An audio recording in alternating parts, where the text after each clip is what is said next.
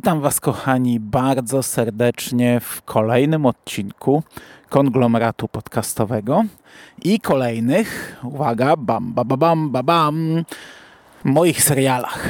Kolejnym podcaście z cyklu Moje seriale, czyli serii audycji, w, których, w której w miarę na bieżąco omawiam e, produkcje, jakoś tam po łebkach omawiam produkcje, które e, aktualnie oglądam z bieżącej ramówki. I Mówię, że tak teoretycznie to wszystko idzie cyklicznie i regularnie, ponieważ no pieruńsko szybko ten czas ucieka. Ja nie tak dawno mówiłem, że mam trochę zawiechę serialową. E, to był chyba lipiec albo sierpień, gdy o tym mówiłem, e, że wtedy podejrzewałem, że to jest spowodowane mm, Darkiem, serialem Dark, który oglądałem e, w czerwcu. Poświęciłem mu na tyle mocno siebie i na tyle on mnie tam przemielił i przepocił, że e, potem jakoś miałem problem z, z tym, żeby usiąść do takich, wiecie, zwykłych e, mózgotrzepów prostych, e, łykanych masowo. Ale to chyba nie, nie, nie, w tym rzecz, bo e, Dark oglądałem w czerwcu, mamy koniec października, e, z mojego punktu widzenia 25 bodajże i to się wiele nie zmieniło. Ja bardzo mało seriali obejrzałem przez ten okres. E, miałem w tym roku tak szybko zakończyć ten sezon i lato zakończyć, a ja właśnie zaczynam e, omawiać letnie produkcje. Co prawda to się zamknie w dwóch podcastach, także jakbym się sprężył, to, to, to mogę to bardzo szybko zrobić. Na pewno jeszcze w tym roku, a, ta, a ta, ta, takiej sytuacji nie było od lat ale właśnie z tym sprężeniem też jest ciężko Wam powiem, bo dzisiaj powiem o trzech produkcjach. I ja zdecydowaną większość tego, o czym będę mówił, miałem obejrzane już ze dwa miesiące temu, gdy nagrywałem poprzedni podcast. A właśnie poprzedni podcast z, z, moich seriali nagrywałem prawie dwa miesiące temu. To tak się złożyło, że Ostatnimi czasy często moje seriale nagrywałem e, z rana. Niedziela rano, po nocce, po weekendowej nocce, 6 rano siedzę i czekam na pociąg, ponieważ akurat w niedzielę mam te pociągi o 8 e, i pamiętam, że dwa miesiące temu mówiłem, ola Boga, kiedy to minęło? Minął miesiąc, przecież ostatnio też nagrywałem w niedzielę na nocce, miałem to już obejrzane, a tutaj miesiąc mi minął, nie wiem kiedy, nie? No i powiem wam, że potem minął kolejny miesiąc, bo tak prawie co miesiąc mam te e, cykle mm, e, nocki w weekendy. To jest tak ułożone, że pełen cykl u mnie e, zajmuje prawie miesiąc. I miesiąc temu, gdy miałem e, nocki w weekendy, to akurat wziąłem L4 i mówię, o kurczę, tym razem nie nagram tak moich seriali, siedząc tutaj na torach, e, bo, no bo nie będę siedział, bo nie będę miał tych nocek. Nagram pewnie je w domu, a nawet jeśli nie, to przecież nie, nie, nie, nie minie kolejny miesiąc, nie? Na pewno nagram jakoś wcześniej. No i, i tak się złożyło, że minął, że mamy teraz niedzielę, jest trochę po 6 rano. Ja jestem po nocce, nie tak ciężkie jak zwykle, chociaż pieruńsko długiej, ponieważ mieliśmy zmianę czasu, więc wiecie, o trzeciej zrobiła się druga. E, odkąd pracuję tutaj, a to już jest czwarty rok, zawsze na nockach mamy zmianę czasu, a ta druga zmiana czasu zawsze jest, gdy mam wolne. Gdy potem muszę wstać o czwartej rano, no tak się to ułożyło. No i dwa miesiące minęły. Dwa miesiące nie nagrywałem moich seriali. Nie wiem o co chodzi. I teraz siadam do omawiania trzech produkcji i od razu mówię, że przelecę po nich po łebkach. To będzie tak omówione, jak, jakie założenie było tego cyklu, no bo widziałem je bardzo dawno. I żeby już nie przynudzać, bo przynudzam już bardzo długo. Zacznijmy od pierwszego tytułu, a będzie nim Stargirl. Serial, którego pierwszy sezon oglądaliśmy kilka miesięcy temu. Miał 13 odcinków. W Polsce był emitowany przez HBO Go. Wyprodukowany oryginalnie jeszcze przez platformę DC Universe, która już nie istnieje. Jako jedyny przeszedł do CW czyli od drugiego sezonu będzie produkowany przez CW, więc zostanie już na dobre wchłonięty przez Arrowverse, co najprawdopodobniej wpłynie trochę na jego jakość, ponieważ jest to serial jednak nieco lepszy od sztandarowych produkcji e, z Arrowverse.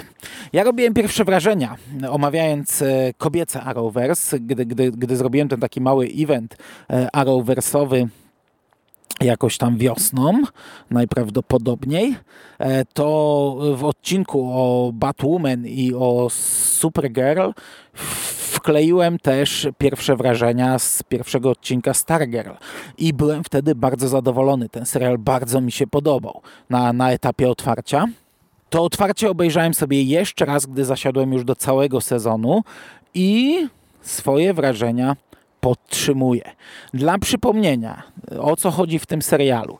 Zaczyna się to od retrospekcji, od, od, okres, od, od bitwy w złotej erze bohaterów, superbohaterów, gdzie obserwujemy koniec Justice Society.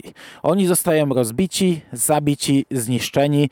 Tylko jeden e, pomocnik uchodzi z życiem. E, przeskakujemy 10 lat później mm, i poznajemy rodzinę. Pata Dugana, który e, wraz z synem Mike'iem i nową żoną oraz jej córką e, Courtney przeprowadzają się do miasteczka, które będzie e, kluczowe dla całego tego serialu. Okazuje się, że kostur, który Pat Dugan trzymał od 10 lat. Kosmiczny kostur, który należał do Starmana, wybrał jego przyrodnią córkę ona teraz e, odkrywa drogę superbohaterki. W skrócie, przez kolejne odcinki e, ona zaczyna powoływać nowe Justice Society. Na początku e, powołuje takie osoby, które sama wybiera, al, al, albo takie, które same siebie wybiorą. E, pierwsza jest Jolanda, która jest nowym Wildcatem. E, Beth, która sama wybiera się na nowego Doktor Midnighta ale też pojawia się Rick, którego, który okazuje się być potomkiem Auermana e, i klepsydra Auermana wybiera jego. E, Cartney cały czas podejrzewa, że ona jest córką Starmana. Pat wyprowadza ją cały czas z błędu, ale już potem sam nie jest do końca pewny, ponieważ no, okazuje się, że e, to nowe pokolenie superbohaterów jakoś jest skupione wokół tego miasteczka, a też jak się okazuje, w tym miasteczku cały czas działa Injustice Society, e, która wychodzi z cienia ze swoim nowym planem e, globalnej katastrofy. I to jest trochę takie luźne Runaways, marvelowskie Runaways, ale to pokazuje jakby mogło wyglądać Runaways, gdyby było dobrze zrobione. Nie mamy tutaj nudnych pierdów, nie mamy tutaj nudnych rozmów, e, e, męczących, nudnych problemów nastolatków, ich fochów i kłótni, tylko to się naprawdę fajnie ogląda. To jest takie lekkie, ciekawe, dobre, e, przyjemne i jakoś tam z pomysłem.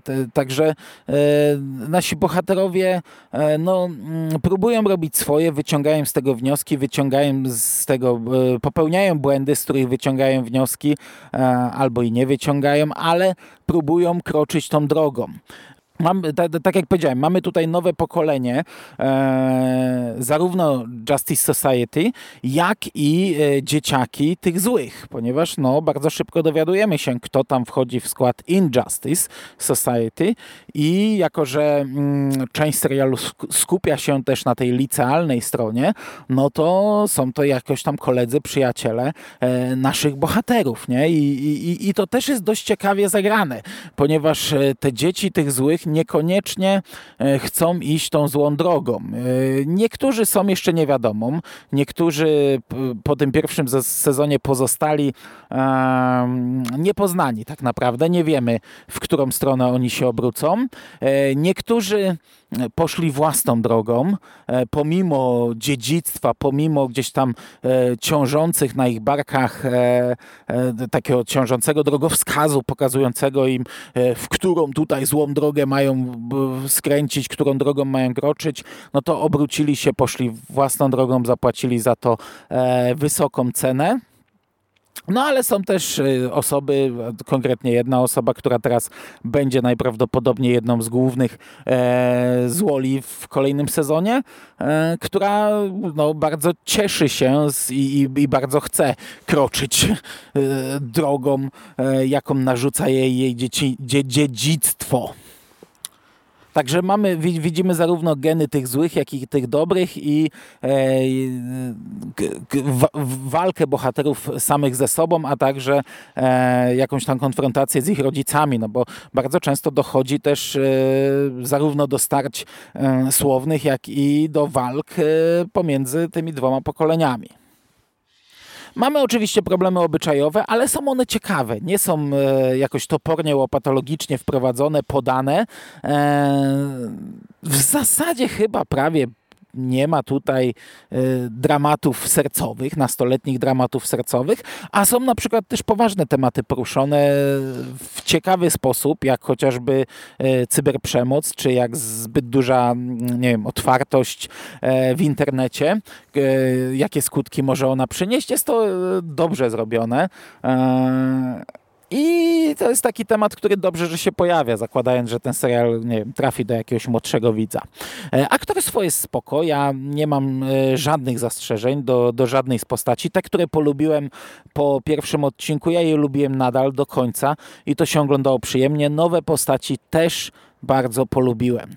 E, sam z siebie się śmiałem, bo w tych pierwszych wrażeniach mówiłem o tym, że e, w napisach początkowych był podany Henry Thomas, czyli aktor, który ostatnimi czasy chociażby grał w nawiedzonych e, Mike'a Flanagana, nawiedzony dom na wzgórzu i teraz nawiedzony dwór w Bly, ale też nie wiem, kiedyś zagrał w E.T. chociażby, czy w czwartej psychozie Mika Garrisa grał młodego Normana Batesa, czy też w wielu ekranizacjach Kinga, między innymi ostatnio w kinie krótkie cameo, nie podane chyba nawet w napisach końcowych, e, w Doktorze Sen. I, I a zmierzam do tego, dlaczego mnie to rozbawiło, bo za każdym razem, jak on się pojawiał w jakimś odcinku w napisach początkowych, a, a pojawia się w większości, to, to mówię, o kurde, nie? Yy, muszę muszę ten, pamiętać, żeby, żeby zwrócić uwagę, gdzie on jest. Pamiętałem, że on grał starego doktora yy, Midnighta i, i, to już tylko pokazuje, jak głupi jestem, że, że nie skumałem od razu, że on tutaj w zasadzie się nie pojawia. W tym pierwszym odcinku faktycznie widzieliśmy oryginalnego Midnighta przez chwilę, chwilę y, w kostiumie, ale potem on się nie pojawia, natomiast Beth, czyli nowa Doktor Midnight, e, no, rozmawia cały czas z goglami. Czyli e, Henry Thomas ma tutaj e, występ audio, tylko i wyłącznie rolę głosową. Ale to też jest fajne. Wizualnie ten serial wygląda naprawdę bardzo fajnie. E, te kostiumy są kolorowe, nie ma jakiegoś, wiecie, wstydu przed superbohaterszczyzną, walki są efektowne, to, to jest naprawdę nieźle e, pokazane, niezłe choreografie walk. E, bohaterka główna jest bardzo wysportowana i dobrze odgrywa te, te, te wszystkie kombinacje i te, te, te swoje tam fikołki na kosturze. I od tej strony nie ma zarzutów. Ogólnie podobał mi się ten serial. Ja wiem, że można mieć z nim problem. E, wiem, że nie do każdego on trafi i myślę, że teraz, gdy przejmie, gdy przejmie go CW, to oni będą mieli e, dość prostą, prosty sposób, jak spieprzyć ten serial, coś czuję, e, bo no tutaj naprawdę jest cienka granica do tego, żeby go spieprzyć. Ale na etapie tego pierwszego sezonu jest on zrobiony naprawdę bardzo dobrze. I, i to się ogląda fajnie. To, to, ja wiem, to nie każdemu podejdzie, nie? bo to są jednak dramaty nastolatek i nastolatków. Może nie tak e, pieruńsko nudne, jak to często bywa, e, na pewno nie tak pieruńsko nudne, ale mimo wszystko to są problemy licealistów, licealistek, ich zabawa w superbohaterszczyznę, ich wchodzenie w rolę znanych superbohaterów e, z komiksów. Mamy tutaj masę nawiązań do różnych różnych grup superbohaterów, do różnych superbohaterów, ale jednak serial pokazuje nam, wiecie, nowe dzieciaki, które bawią się tą nową rolą i, i to nie każdemu musi się podobać i wiem, że no, wielu osobom to się nie spodoba. Mnie się podobało bardzo. Co ciekawe, ten pierwszy sezon jest w zasadzie zamkniętą historią. On otwiera na koniec kilka furtek i pokazuje nam, w którą stronę to pójdzie, ale mm, e, pierwszy sezon zamyka kończy historię, którą opowiada. E, nawet ostatnia scena to jest jakieś tam pół roku później i mamy taką fajną klamrę, bo e, zaczęło się to wszystko tą retrospekcją 10 lat wcześniej, która była w Wigilię i kończy się to też w Wigilię. Mamy taką świąteczną, fajną klamrę. E, a, a jeśli chodzi o obyczajową stronę, to ja to naprawdę bardzo kupowałem. Tutaj mamy, mamy na, na pierwszym planie e, dramat e, tej głównej bohaterki um, po jej stracie ojca. To jest coś, co e, napędza tę historię od samego początku, bo w pierwszej scenie jej ojciec nie pojawia się na Wigilii, ona czeka na niego z prezentem. My widzimy, jak e, superbohaterowie giną, dlatego ona potem podejrzewa, że Starman jest jej ojcem, bo od 10 lat nie, nie miała z nim kontaktu i, i, i, i ta relacja tutaj jest e, fajnie pokazana moim zdaniem. Znaczy to, jak to jest dalej prowadzone, to mm, kim okazuje się być jej prawdziwy ojciec, jak ona to przyjmuje, jak przebiegają dalej jej relacje z Patem, e, gdzie na początku mamy, wiecie, takie trochę tarcia. Ona nie bardzo jest zadowolona z tej przeprowadzki, to jest jednak jej ojczym, nie chce, żeby on udawał jej ojca, a jak to potem trochę przez, no znaczy nie trochę, no bardzo mocno przez ten wątek superbohaterski zostaje e, pociągnięte, bardzo mi się to podoba, ale też wiecie, no ja e, nie, nieraz mówiłem, że mnie łatwo tym kupić e, z racji te, takiej, że sam mam e, prawie ośmioletnią 7,5-letnią córkę, e, więc te problemy mm, gdzieś tam, znaczy problemy, no te, te relacje ojciec-córka są mi bardzo bliskie i, i, i jak widzę te problemy te, na, na, ekranie, to e, no łatwo mnie, łatwo mnie kupić, łatwo mi tam gdzieś troszeczkę złamać serce, gdy na to patrzę, e, albo gdzieś tam, żeby, żeby mi brudka zadrżała w, w bardziej takiej chwytającej za serce scenie, ale też podobają mi się te pozostałe relacje, bo wiecie, mamy tego Majka, przyrodniego brata, brata e, Courtney i ja go od początku lubiłem, on był fajną postacią i, i te relacje pomiędzy Mike'iem a Courtney też e, no różnie przebiegają, ale, ale bardzo dobrze. To, to, to jest wiarygodne, to przebiega tak, jak powinno przebiegać. Jak Mike reaguje na to, że e, jego ojciec biologiczny zaczyna spędzać dużo czasu ze swoją przyrodnią córką. Jak te, te relacje tutaj się zaburzają, gdzie on zaczyna spędzać więcej czasu ze swoją przyrodnią matką i tak dalej, i tak dalej. To jest, to jest naprawdę fajnie zrobione, fajnie napisane. O, jo. I miałem mówić krótko, a wyszło 18 minut o pierwszym serialu. No też długi wstęp był. Dobra, e, nie będę przedłużał. Naprawdę dobry serial. Polecam. Będę oglądał dalej, chociaż no, umówmy się, jego jakość na pewno teraz zjedzie. E, drugi serial na dzisiaj, który miał być głównym daniem tego e, podcastu, to finałowy sezon Agentów Tarczy.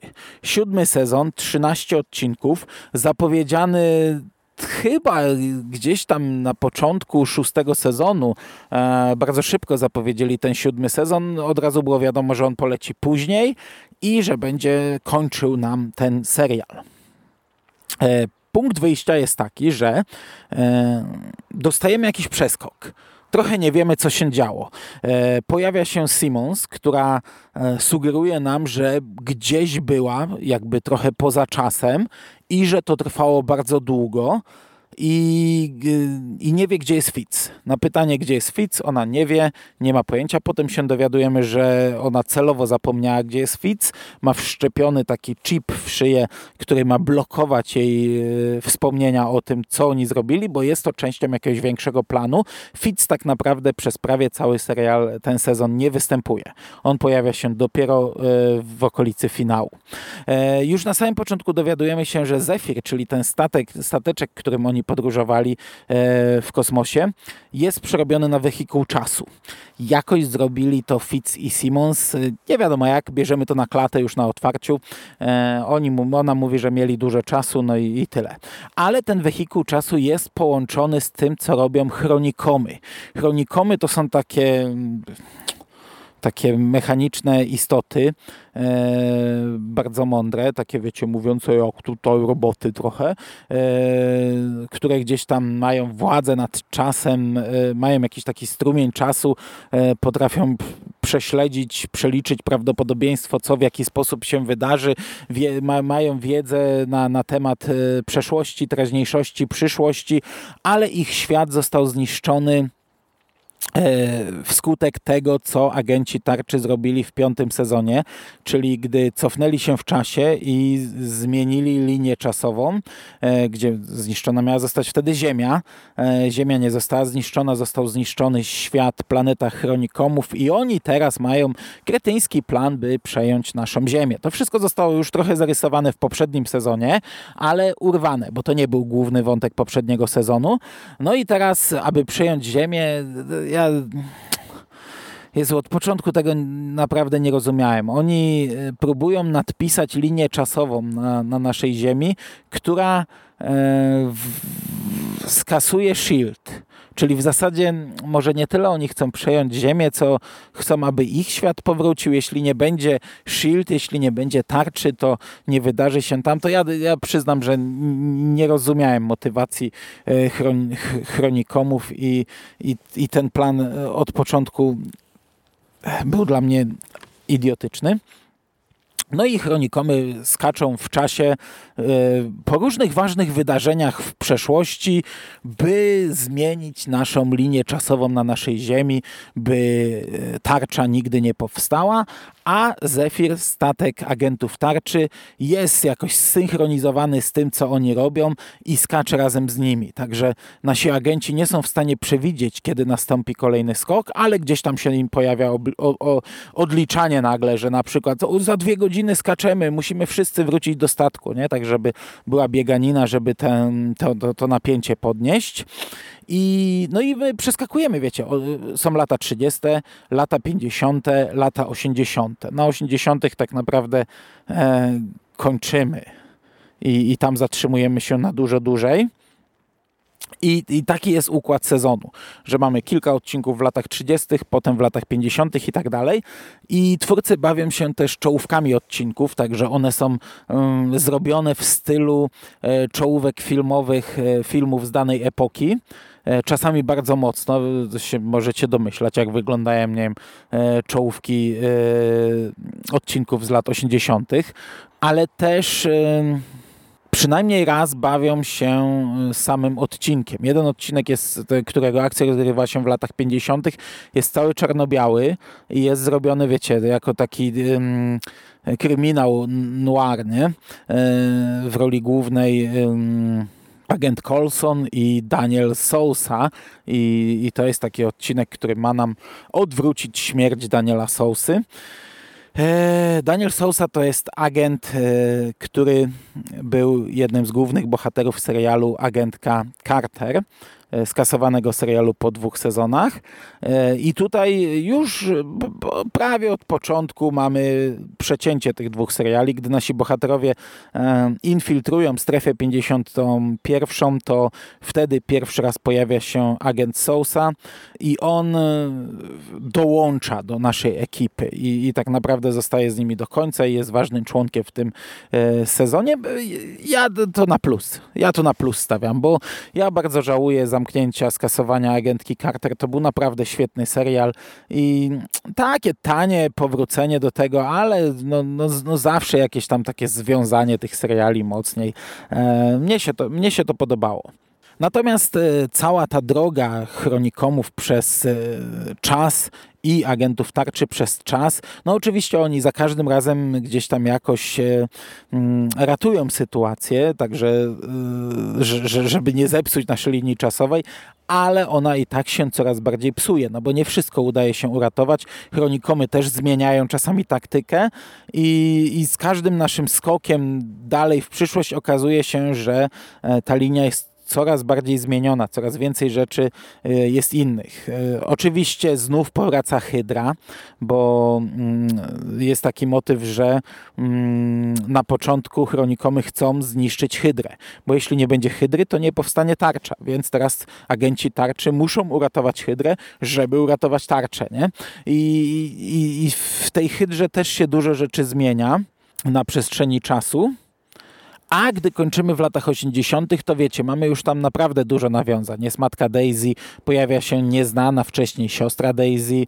E, mamy wątek taki z pozostawieniem w czasie, bo dwójka, dwo, dwóch bohaterów nie zdążyło w pewnym momencie wrócić na skok, e, ale okazało się, że ten skok to tam, nie wiem, dwa czy trzy lata, coś takiego, więc e, dowiadujemy się, jak wyglądało ich życie przez ten czas, gdy inni bohaterowie w ciągu sekundy przeskoczyli.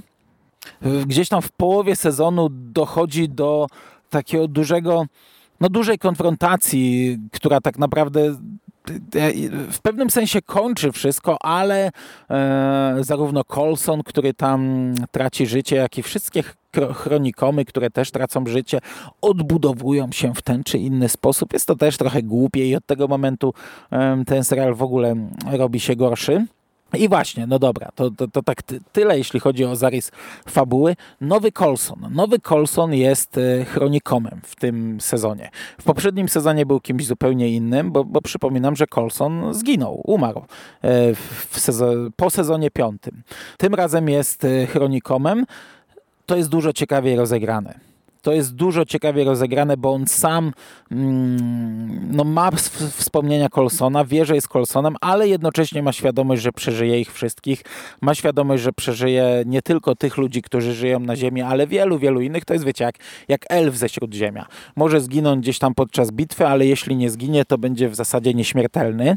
Eee, co prawda, no, nadal nie jest to idealne rozwiązanie, bo idealnym było zakończenie na śmierci Colsona, ale jeśli już ma coś być, to jest to tysiąc razy lepsze niż w poprzednim sezonie.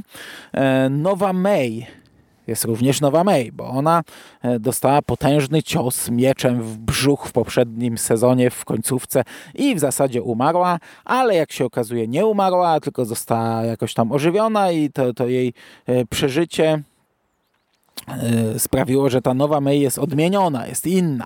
E, zaczyna czuć emocje ludzi, gdzie May to była zawsze taka, wiecie, twarda baba, która żadnych emocji nie okazuje, a tu jest zupełnie inna, ale też e, jest dość ciekawie pokazany jej mm, problem z Colsonem. Z Colsonem, którego pożegnała już, którego potem znów powitała w poprzednim sezonie jako wroga i tego wroga też pożegnała, a teraz budzi się, okazuje się, że Colson znów żyje i to prawdziwy Colson i ona ma z tym problem i ma z tym dość długo problem, ale jest to dość ciekawie rozpisane i, i w sumie całkiem ok spuentowane.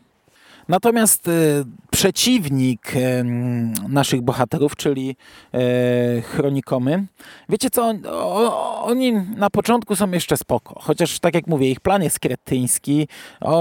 To jest tak, że wiecie, z jednej strony to są tacy niepokonani, wszechwiedząc, wszechwiedzące istoty, z drugiej czasami zachowują się jak, jak kretyni, jak takie roboty z, najbardziej ułomne ale nie miałem z nimi takiego problemu jak z przeciwnikiem z wcześniejszego sezonu do pewnego momentu, bo tutaj mamy taką szefową chronikomów, która ma strumień czasu w rękach i wiecie, rozwija takie nitki i, śledzi, e, co trzeba zrobić, żeby dokonać zmian, jakie jest prawdopodobieństwo tego, czy tego, czy tamtego.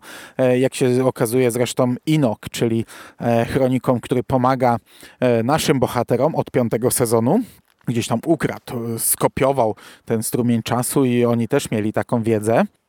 I ta ich szefowa, no to zaczyna robić się tanie i głupie i im dalej w las, tym robi się to coraz głupsze. I tak jak na początku nie miałem problemu z e, tym wątkiem, tak, e, tak potem niestety to znów wygląda jak z jakąś podkopułą, jak z poprzedniego sezonu. To wygląda słabo, głupio i, e, i nie ogląda się tego dobrze to są wszechwiedzące istoty, które są tak naprawdę debilami. E, no, tyle. E, jak to się sprawdza jako finał? Po pierwsze, jak w ogóle sam finał tego sezonu sprawdza się jako zakończenie mm, tej, tego sezonu, tej serii. Eee, spoko. To nie jest nic rewelacyjnego, to nie jest nic fantastycznego, ale okej, okay, no mieli jakiś tam pomysł. Te ostatnie odcinki gdzieś tam układają nam te klocki e, na swoje miejsce. Mm, dostarcza to trochę tam emocji. No, jest to finał, który ujdzie, finał sezonu. Natomiast finał całego serialu i, i powiedzmy ostatnia scena w serialu na płaszczyźnie emocjonalnej gra. Ta ostatnia scena gra na płaszczyźnie emocjonalnej. To jest coś, co ogląda się no, przyjemnie. Ale ile w tym sensu? Szczerze, niewiele. I całe podprowadzenie pod to zakończenie, gdzie najpierw Inok, który, um, tak jak mówię, miał wgląd w ten strumień czasu, mówi im, zdradza, że to jest ich ostatnia wspólna przygoda, że po raz ostatni gdzieś tam będą e, w tym gronie. E, brali udział w akcji, że to się wszystko już po tej historii rozpadnie i oni o tym dyskutują w trakcie sezonu i mówią, że bez sensu, że jak, że przecież są ze sobą lata, że sobie nie wyobrażają, że teraz mieliby się rozejść i co, spotykać się raz na rok, czy tam pisać do siebie, e, że, że to nie, że tak przecież nie będzie. Po pierwsze, to jest bez sensu, bo e, to, że to ostatnia wasza wspólna przygoda w tym gronie, no to umówmy się, przez te 7 lat e, ta ekipa się zmieniała, więc, więc to, e, to, to nie raz była gdzieś tam ostatnia przygoda w tym gronie, nie? A, a agenci tarczy działali nadal. Szczególnie, że tutaj dochodzi do takiego punktu, w którym faktycznie jest powiedziane, że teraz ta drużyna się rozpadnie w tym momencie i tam jedna osoba odchodzi, a jest to no umówmy się, najmniej istotna osoba e, w tym momencie, zresztą osoba nie z tego czasu, która tak naprawdę i tak tutaj nie należy i nie pasuje. Ale ten ich rozpad, to, to zakończenie, to to, to, że, to, że w momencie, gdy zakończymy tę historię i kończymy ją, to rozej- wasze drogi się rozejdą, jest jak dla mnie kompletnie nieumotywowane. Tak jak mówię, to gra emocjonalnie, ale to nie ma sensu. I tak już ostatecznie podsumowując, to był lepszy sezon niż poprzedni, e, ale nadal moim zdaniem zbędny. Uważam, że dwa ostatnie sezony nie powinny powstać. Uważam nadal, że ten serial powinien zakończyć się na sezonie piątym, który zaczął się średnio, potem rozwinął się bardzo dobrze, żeby w drugiej połowie to spieprzyć, ale był to i tak e, ciekawszy sezon niż, dużo ciekawszy niż poprzedni, dużo lepiej zrobiony i wydaje mi się, że chyba też lepszy niż ten siódmy sezon, a na pewno miał zmarnowane zakończenie serialu, o czym mówię od e, trzech podcastów, bo mówiłem to recenzując piąty sezon, mówiłem omawiając szósty i mówię też teraz omawiając siódmy. To było lepsze zakończenie e, i ta scena mogłaby sprawić, że właśnie drużyna się rozpadnie i również moglibyśmy dostać taką końcową scenę, jaką dostaliśmy tutaj, tylko w trochę innym składzie. Pytanie, czy warto nadrobić? No bo na przykład wiem, że taki Jerry zakończył na czwartym sezonie. E, jeśli ktoś przestał gdzieś w którymś momencie, e, moim zdaniem nie warto. Moim zdaniem warto ten serial obejrzeć do piątego sezonu. Jeśli ktoś gdzieś właśnie na, po czwartym, trzecim zakończył swoją przygodę i zastanawia się może gdzieś tam trochę, czy, czy nie wrócić do tego serialu, e, do końca piątego sezonu moim zdaniem warto. Szósty i siódmy jest moim zdaniem niepotrzebny i, i, i tylko jeśli ktoś bardzo chce, to może sobie obejrzeć. Albo jak ktoś naprawdę bardzo chce się dowiedzieć, jak to się kończy, ale ta, takie osoby to raczej wytrwały z serialem. Dobrze, żegnamy agentów tarczy.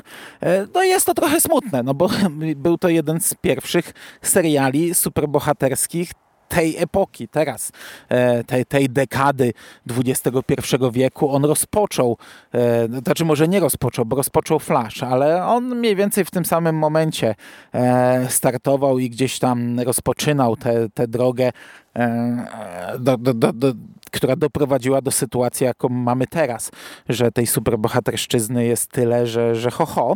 E, także no, no, zamykamy pewien rozdział, nie? Zamykamy pewną jakąś tam epokę. Nie jest to serial przełomowy, nie jest to nic wielkiego, nie? To, to nie zmieniło telewizji i po tych siedmiu sezonach można to, to wyraźnie powiedzieć. To na samym początku jeszcze było tyle ciekawe, że fajnie łączyło się z kinowym uniwersum, ale to też się rozjechało i w pewnym momencie przez przestali się w to bawić, w te wyraźne połączenia. No ale zaczęło to jakąś epokę, więc ja, ja tam no, z przyjemnością gdzieś tam zamykam sobie tę epokę. Dobra, nie przedłużając. Na sam koniec, mam nadzieję, że tym razem krótko, dziesiąty odcinek drugiego sezonu serialu Into the Dark. To jest odcinek z lipca.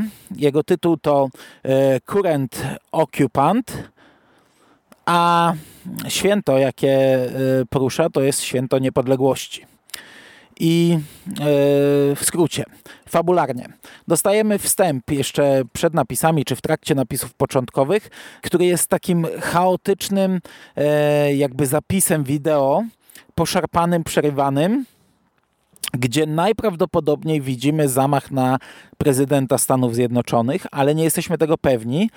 I zostaje pusz odtworzona, puszczona taśma, która y, no, ma być puszczana w krytycznych jakichś sytuacjach, y, z której dowiadujemy się, że zostanie uruchomiony projekt Omega. Nie wiemy, co to jest, nie wiemy, co się dzieje, ale chwilę później przenosimy się do szpitala psychiatrycznego, e, w którym przebywa Henry, główny bohater Henry. Poznajemy go, poznajemy jego rutynę, jego dni, jak wyglądają. I dowiadujemy się, że on ma e, jakąś tam potężną amnezję. Nie wie kim jest, nie wie co się stało, nie wie jak się tutaj znalazł. Doktor Larson, która prowadzi, zajmuje się jego sprawą, proponuje mu pewien taki mm, nowy proces leczenia, który jest jakimś tam eksperymentalnym procesem, którego nie można przerwać. Nawet jakby e, wydawało się, że przynosi on negatywne skutki, to nie może zostać przerwany. Polega on na tym, że e, Henry niczym w mechanicznej pomarańczy będzie siedział przed jakimś dziwnym ekranem, patrzał w takie, e, w, w takie, nie wiem, w takie coś jak u okulisty patrzycie, będzie widział różne migawki różnych scen i będzie musiał odpowiadać na pytania zadawane mu przez dr Larson będzie musiał odpowiadać pełnymi zdaniami, a potem jeszcze dojdzie do różnych, te, te, ten, ten proces będzie postępował, tam dojdzie też do e, różnych innych e, eksperymentów w trakcie tego procesu leczenia. Natomiast w momencie, gdy Henry e, jest prowadzony do tej sali, jedna z pacjentek rozpoznaje go i zaczyna krzyczeć, że widziała go w telewizji. On zaczyna podejrzewać, że jest kimś ważnym, Mm, jedna z pielęgniarek jakby była po jego stronie i zaczyna mu sprzedawać różne informacje i nasz pacjent zaczyna wierzyć, że on jest prezydentem Stanów Zjednoczonych, który był ofiarą zamachu, na skutek którego stracił pamięć i jest teraz przetrzymywany e, poprzez wdrożenie tego projektu Omega tajemniczego w szpitalu psychiatrycznym. Nie wiemy, czy to jest prawda. Lekarze próbują wybić mu to z głowy i personel szpitalny. I zaczyna się zaogniać sytuacja.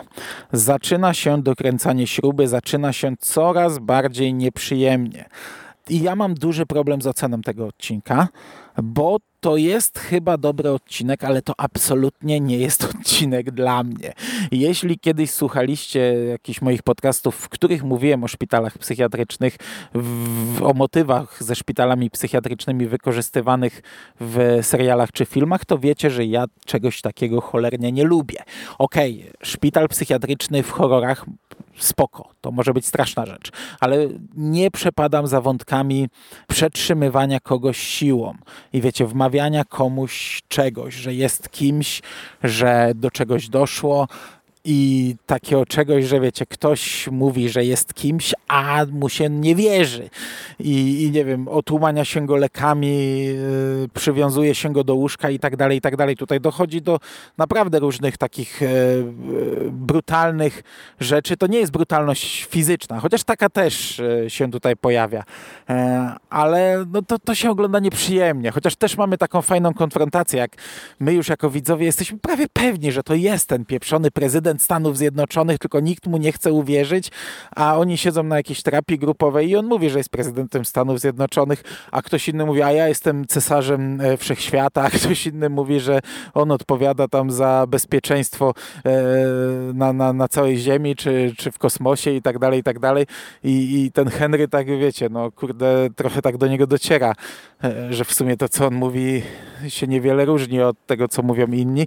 I to, i to jest takie, wiecie, no, mm, ja, ja za tym nie przepadam. Nie wiemy, czy y, część z tych ludzi nie ma racji, nie? A, a, a nie jest tam przetrzymywana e, wbrew ich woli i, i, i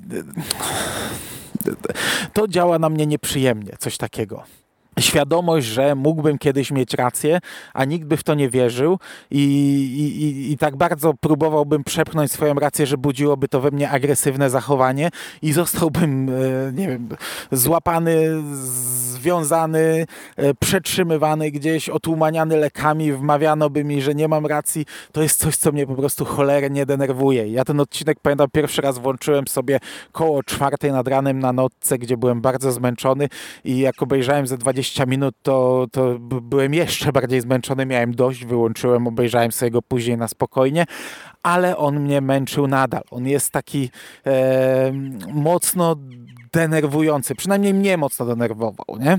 E, także dlatego trudno mi go ocenić, bo wydaje mi się, że to jest dobry odcinek, ale mm, oglądanie go nie sprawiało mi przyjemności. Przy czym nadal wydaje mi się, że on jest za długi. To jak zawsze. A kolejna rzecz to, e, no dość szybko mamy, co, mamy do wyboru trzy opcje. Albo jest to prezydent, albo nie jest to prezydent, ale musi być to ktoś związany z, e, w jakiś sposób z prezydentem, bo wiemy na pewno, że ten projekt Omega został wdrożony i że dotyczy on jego sprawy, więc ja sobie pomyślałem, że może to jest zamachowiec który jakoś tam został ranny, na, na ten skutek stracił pamięć i um, teraz przebywa w, więzie, w tym no, w szpitalu, próbuje mu się tę pamięć przywrócić. I może dlatego ci ludzie są też tak dla niego trochę nieprzyjemni w sytuacjach krytycznych.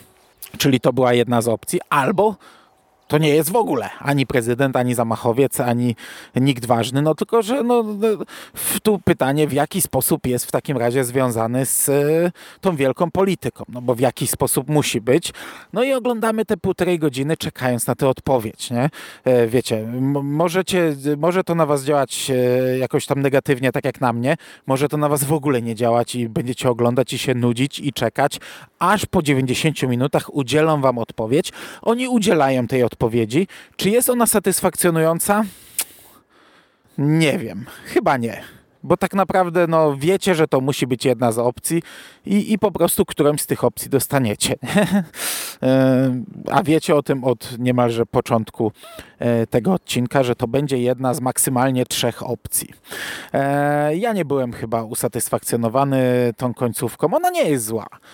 Nawet, nawet, jest, nawet jest całkiem niezła ale, e, ale to, to nadal nie jest e, rewelacyjny, to nadal nie jest dobry odcinek. E, czy jest lepszy od swojego odpowiednika z pierwszego sezonu? Pamiętam, że ten odpowiednik z pierwszego sezonu nam się bardzo podobał, gdy omawialiśmy go z Szymasem.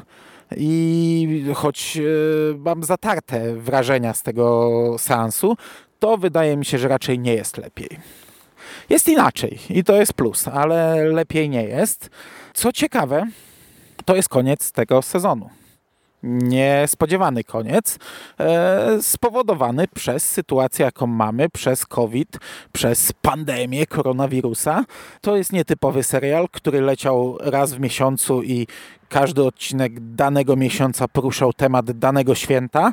Miał być jeszcze odcinek 11 i 12, czyli sierpniowy i wrześniowy ale te dwa odcinki nie poleciały i już nie polecą, no bo już mamy za chwilę listopad, czyli tak naprawdę w październiku e, w teorii powinien zacząć się trzeci sezon, o ile by go zamówiono, nic o tym nie słyszałem, e, więc drugi sezon zakończył się nie na 12, a na 10 odcinkach, co zaburza trochę pomysł na cały serial, no ale jest to sytuacja wyjątkowa, nie? Nie, nie z winy twórców. Nie wiem, czy to też nie jest koniec serialu. Nie mam pojęcia, czy do tego serialu powrócą, czy będą go jeszcze robić. E, ja obejrzałem 9 z tych 10 odcinków. Cały czas nie widziałem trzeciego odcinka świątecznego. Obejrzę go tak naprawdę za chwilę. Pewnie jakoś w listopadzie go włączę, bo zakładam, że pogadam o nim w pierwszym odcinku dziesiątego tegorocznego sezonu świątecznych horrorów, ale w tym e, odcinku o świątecznych horrorach będę jednak skupiał się na e, świętach bożonarodzeniowych, a nie na um, tym konkretnym serialu, więc ewentualne podsumowanie szybkie e, muszę zrobić teraz, bez znajomości tego trzeciego odcinka. Widziałem ich dziewięć i powiem wam, że rewelacji nie ma. To jest na pewno słabszy sezon od pierwszego, ale po pierwsze bez listy w ręku nie jestem w stanie sobie nawet przypomnieć, e, e, cóż takiego my w tym drugim sezonie dostaliśmy. E, nie, nie będę tutaj tak dokładnie się bawił, jak to robiłem z Szymasem rok temu, gdzie każdy z nas wybrał trzy najlepsze odcinki, trzy najgorsze i porównywaliśmy. To nie, nie, proszę was. Z tych dziewięciu odcinków, które widziałem, świetna była druga puka. Całkiem niezły był ten odcinek Delivered, ósmy odcinek na Dzień Matki. I to by było wszystko z takich naprawdę dobrych odcinków. E, niezłe było Ankany Eni, pierwszy odcinek. E, I to tyle. Jeszcze My Valentine, piąty odcinek był spoko. Natomiast drugi, Pilgrim, czwarty, Midnight Kiss, szósty, Crawlers, dziewiąty, Good Boy. To były raczej odcinki cienkie. Najsłabszy był chyba drugi, Pielgrzym. E, tyle. To był słaby sezon, słabszy niż pierwszy sezon. E, jak dla mnie kompletnie nie ma sensu tworzyć trzeciego sezonu, ale jeśli taki powstanie, będę go oglądał. ale to też dlatego, że, że to nie wiem, jakoś to jest jeden odcinek miesięcznie. Pod te podcasty on mi fajnie grał, że sobie, wiecie, robię dużo tych e, moich seriali, bo wystarczyło obejrzeć, nie wiem, dwa sezony, jeden sezon, dokleić do niego jeden odcinek Into the Dark i już mamy fajny podcast gdzieś tam zbiorczy, e, taki przegląd e, serialowy. E, ja wiem, że to kretyńskie, ja wiem, że to chore i, i w ogóle e, zamknąć mnie w tym szpitalu, bo głupek swój czas prywatny marnuje. E, ale jak powstanie trzeci sezon, no, no najprawdopodobniej będę oglądał, chociaż nie sądzę, żeby powstał tak szczerze. Dobrze. Miało być krótko, wyszło jak zawsze. E, miało być po łebkach, chyba tak wyszło. No, no, nie, nie udało mi się zrobić żadnej e, wielkiej analizy. Miejmy nadzieję, że przetarłem szlaki i że e, jakoś łatwiej mi będzie teraz nagrać o serialach kilka innych rzeczy. E, mam w najbliższych planach, no, mam, mamy z, z Jerrym plan na ten przekrojowy podcast o kilku serialach od Quibi i drugi, ostatni, wakacyjny segment moich seriali, gdzie, gdzie pójdą dwa superbohaterskie e, seriale uznane za te bardzo dobre. Pierwszy z nich już kończę. E, na drugi cały czas nie mam ochoty, ale pewnie go obejrzę. Dobra. To by było na dzisiaj wszystko. Dziękuję Wam bardzo za uwagę. Trzymajcie się ciepło. Do usłyszenia. Cześć!